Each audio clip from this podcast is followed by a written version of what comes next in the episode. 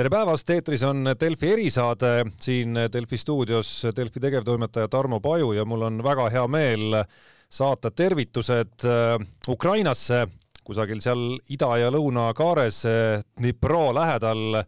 Eesti Päevalehe Delfi ajakirjanik Krister Paris ja venekeelse Delfi ajakirjanik Roman Starapopov on meil liinil. tervitus, mehed tervitus, tervitus, Ukraina tervitab teid ilusa päikesepaistega. kõik ütlevad, et loodetavasti läheb paremaks, loodame, et siis läheb ka. tere, tere, dobroho dnja äh, ja no, no rõõm on teid tõesti näha ja kuulda.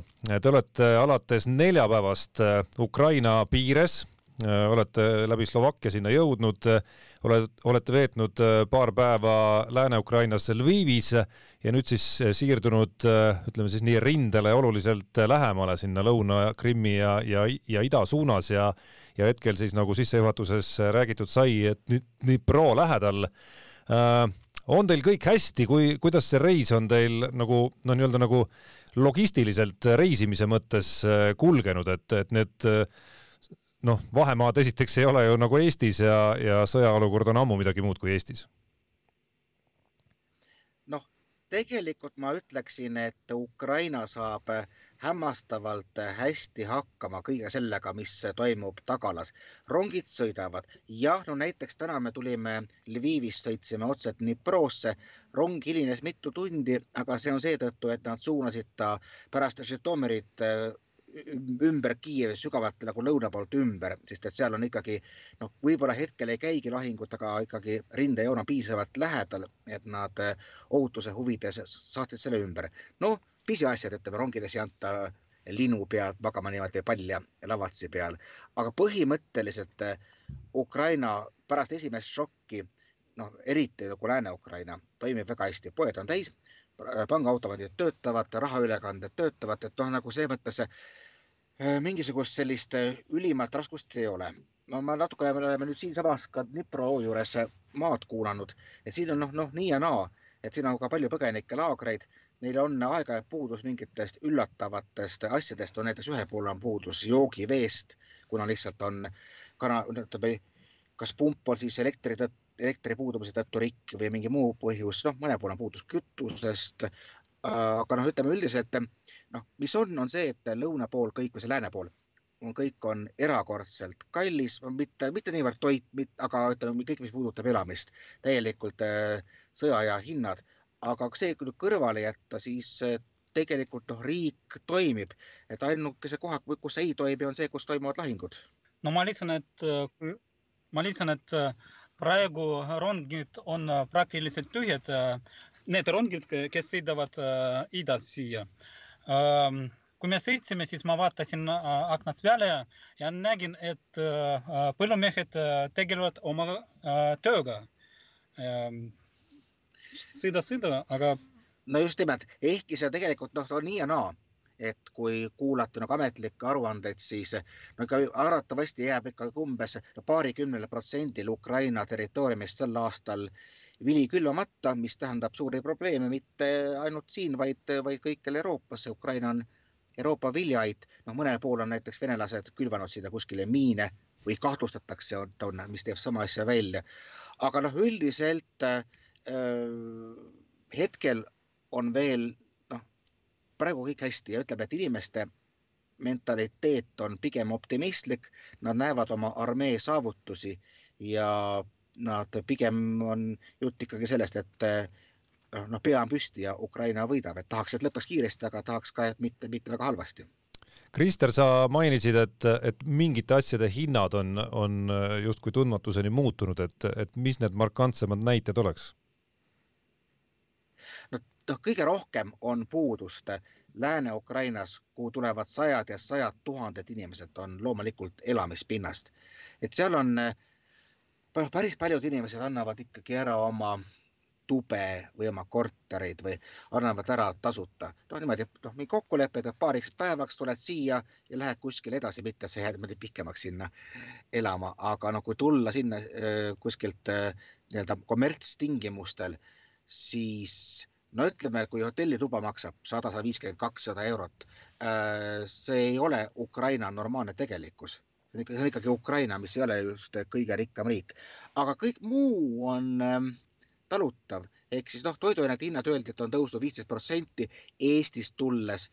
Noh, ei maksa toit just äh, liiga palju, kohalike jaoks võib-olla küll noh, hästi palju on nagu riide tuleb humanitaarabina sisse, et ikkagi ennekõike on tohutu ääretu puudus elamispinnast, et no see on ju ka vastus võib-olla küsimusele, et miks inimesed liiguvad edasi Poola, Slovakkiasse, Saksamaale, kuhu iganes saavad, siia lihtsalt ei mahu, pole kuskile minna.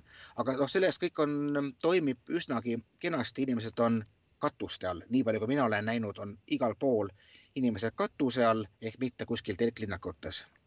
no ma lisan äh, hinnade äh,, hinnadest, et äh, me peatusime Užgorodist, üks ööpäev maksis äh, kolm kolm tuhat kuussada. ühesõnaga umbes sada kümme eurot ja mille eest me pidime magama Romaniga ühes voodis. vot mul on siukene nüüd tore partner. ja tavaajal see korter maksab umbes kuussada, viissada, ütlesid kohalikud elanikud Te mõlemad olete tegelikult ju Ukrainas nii-öelda juba juba nii-öelda vanad käijad, et, et ka sel aastal olete mõlemad käinud seal ja Roman, sina eriti värskelt äh, olid sõja alguspäevadel ka tegelikult seal äh, üsna värskelt oled tegelikult sealtsamast Lääne-Ukraina kaudu, Lvivi kaudu pika ootamise järel äh, pääsenud koju ja nüüd siis tagasi läinud Ukrainasse natukene teist teed mööda, aga lõpuks viis tee ikkagi Lvivi ka.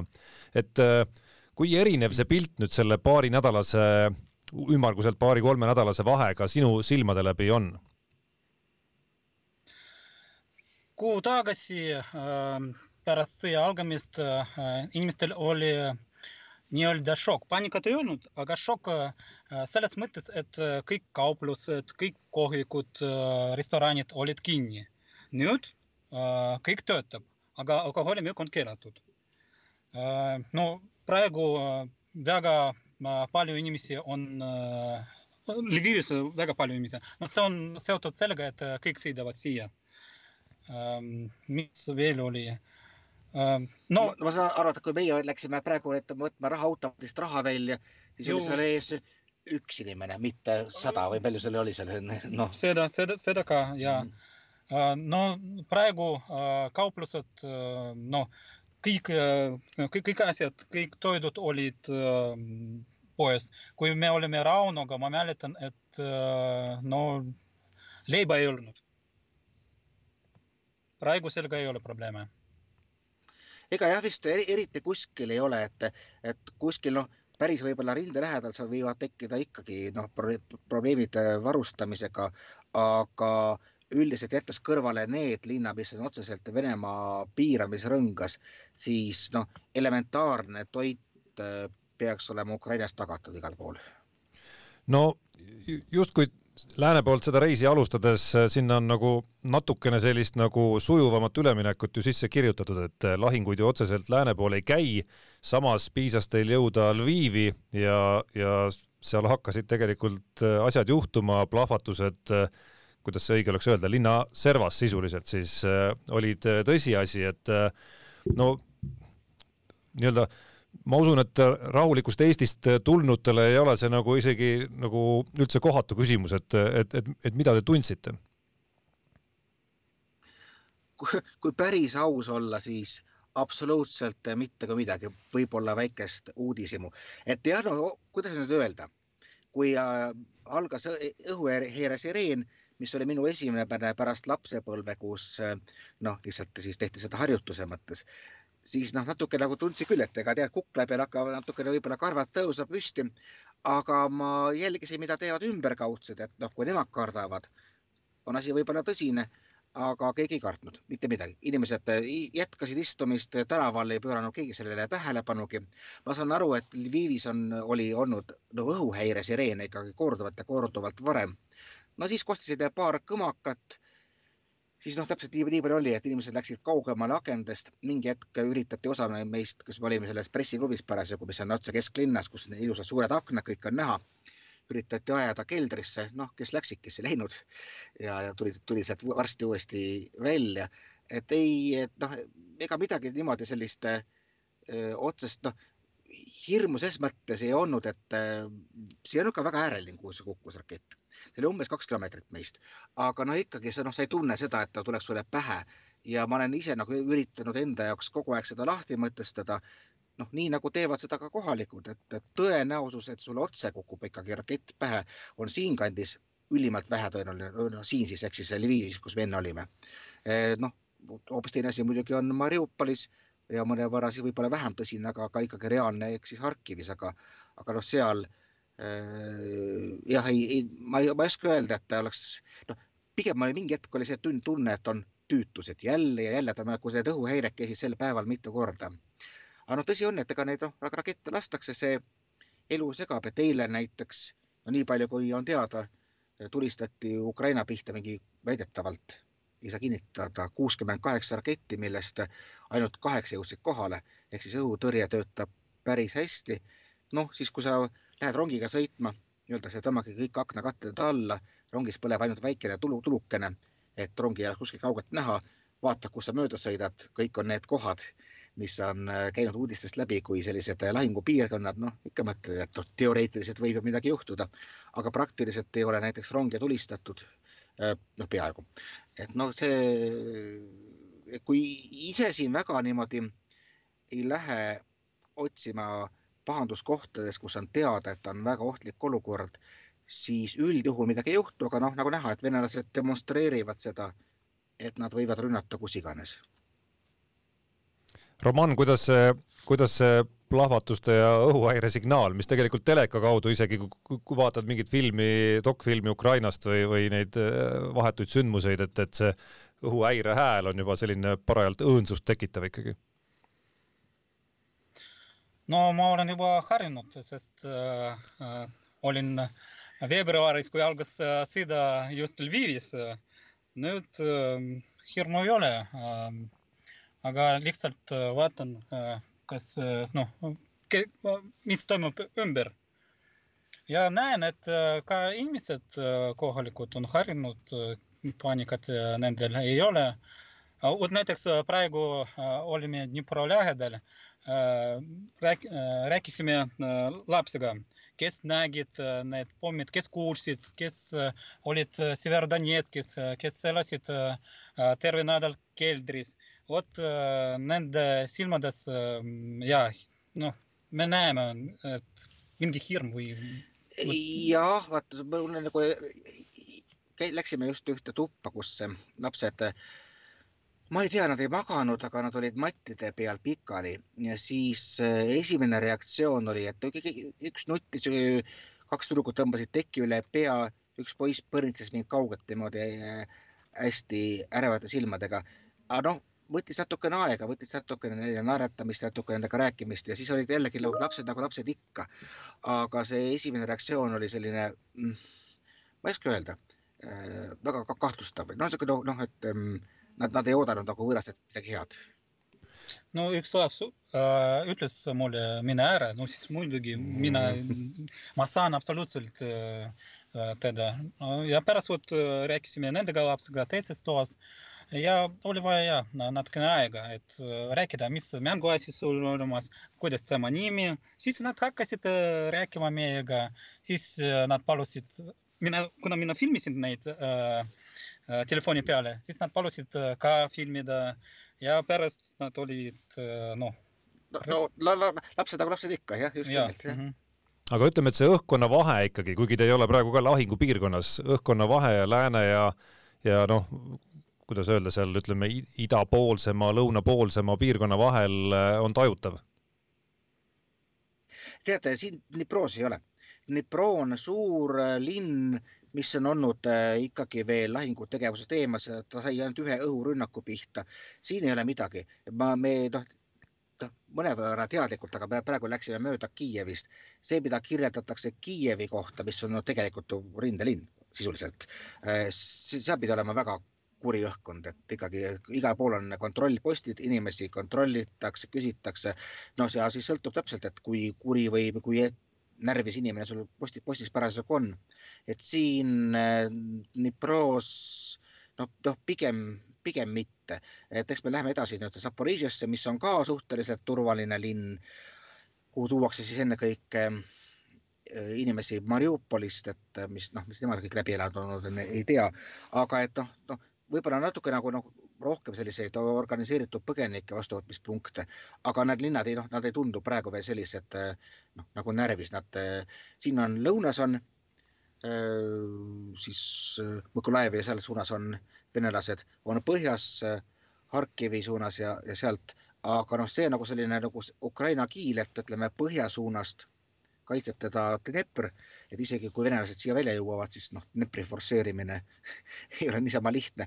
no ja lõuna poolt ta pole veel kuskile jõudnud, et noh, jah, öeldakse, et noh, selgelt Dnipro võiks olla kunagi mingi sihtmärk, aga see hetkel, hetkel ta ei ole noh, reaalne, et venelased on kaugel ja nad pigem, pigem nad tõrjutakse kuskilt tagasi mis see, mis see kõige õigem märksõna või, või iseloomustav sõna oleks äh, ukrainlaste kohta, nii palju kui te nende päevade jooksul olete kohalikega, erinevate kohalikega suhelnud, et äh, on see, on see väsinud, on see kurb, on see vihane mm.?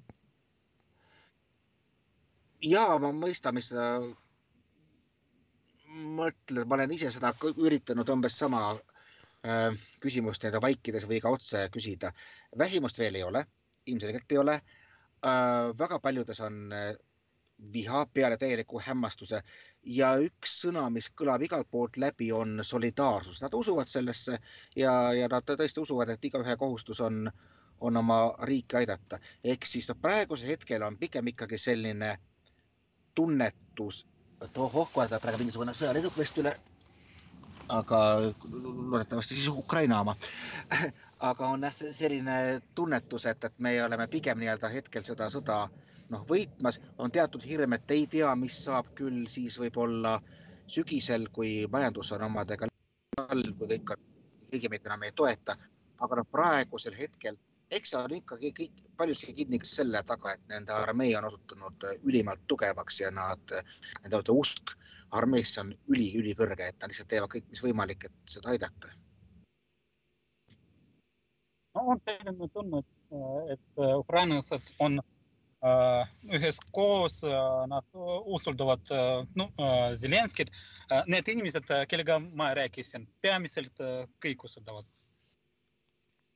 tänases Eesti Päevalehes, Krister, ilmus sul intervjuu kohaliku ajakirjaniku Rostislav Martenjukiga, kes muuhulgas ütles, et ukrainlased kardavad rohkem isegi halbadel tingimustel rahu kui, kui sõja jätkumist, et kas siit võib järeldada, et et nad, et nad nagu, et ütleme, see, see rahu sõlmimine juba Ukraina rahva soovidest ja tunnetest tulenevalt ei, ei ole tegelikult väga lihtne, et, et seal nagu nii-öelda suurteks valmis, nii-öelda järeleandmisteks, kompromissideks võib-olla ei oldagi valmis?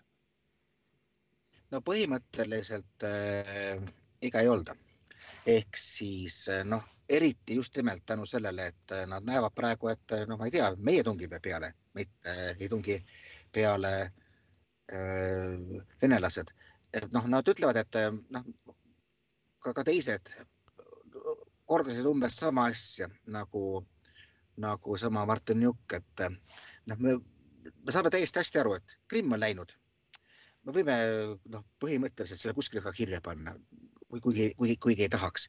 noh, LNR, DNR, need nii-öelda rahvavabariigid, noh, nende vana, vanades piirides mingu, me ei taha neid.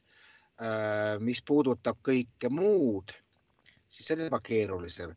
et äh, noh, kas see täpselt seesama keele küsimus, no kuidas me ütleme, et nüüd on vene keel järsku ka riigikeel, et noh, aga sellisel juhul me oleme lammutanud kõik selle, millele me ehitasime oma rahvust üles või näiteks, et äh, NATO, et me NATO-sse enam ei taha. noh, Zelenskõi jah, on seda küll ette valmistatud natukene seda ja, aga noh, ikkagi nad tahaksid saada mingisugust siis sellist nagu selgemat julgeolekugarantiid. no ühesõnaga, et nad, mina saan aru, et äh, ollakse valmis kauplema territooriumitega aga noh, selge, see saab olema väga raske maha müüa, kindlasti terve hulk inimesi, kes ütlevad, et me ei ole valmis, et noh, siin on juba ka see, et väga palju erinevaid üksusi, on mitte ainult armee, vaid on mingisugused oma territoriaalkaitsed ja mis jagunevad omakorda.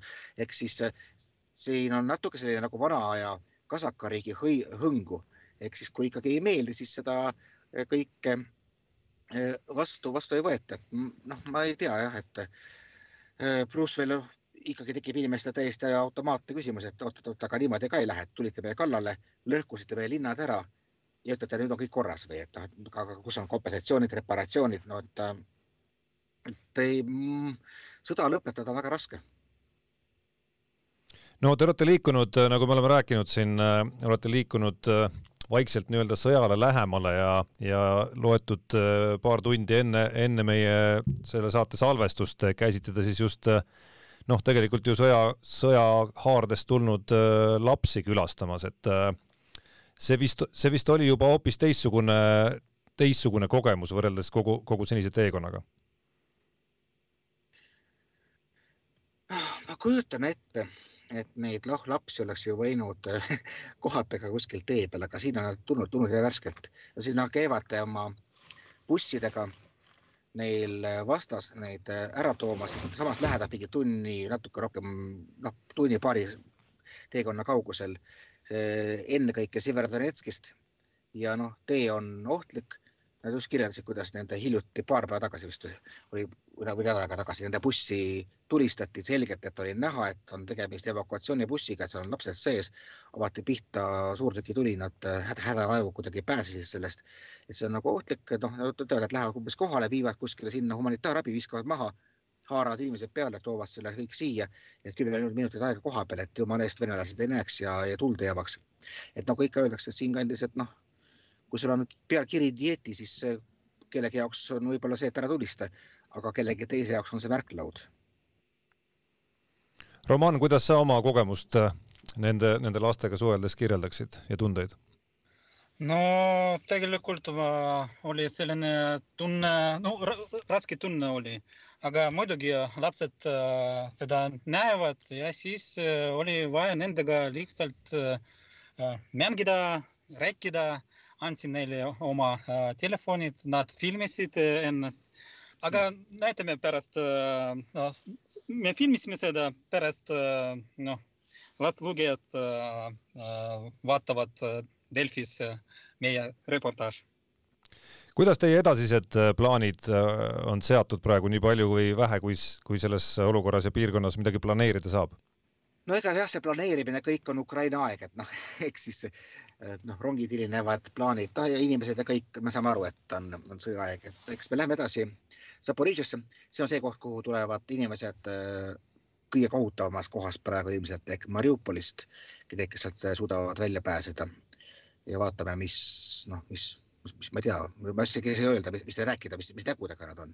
see võib olla no, päris selline traum, traumaatiline kogemus ka, ka sellele inimesele, kes eh, nendega eh, juttu peab ajama ja edasi vaatame, et eks me noh, kokkuvõttes on mul eh, ilmselt siis läbi kuidagi Odessa sealt kavatsus riigist lahkuda, aga no pigem noh, vaatame, et ennast nii-öelda otse teadlikult äh, sinna kohta, kuhu langevad päevas paar, paarkümmend veremürsku, viia ei kavatse, aga noh, tahaks ikkagi näha, noh, tegelikult, mis oleks nagu positiivne kogemus võib-olla isegi, oleks minna külastama neid kohti, mida Ukraina armee on nüüd venelaste käest vabastanud, mida on päris palju.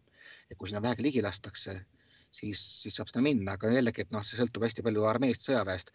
siin on ju see, et nüüd ei lubata äh, noh, praktiliselt mitte midagi pildistada, filmida, see ilmselt eeldab väga palju selliseid kooskõlastamisi ja, ja lubasid, sest et noh, iga koht, kus sa midagi näitad, see võib olla vaenlase luurele liiga hea, hea allikas.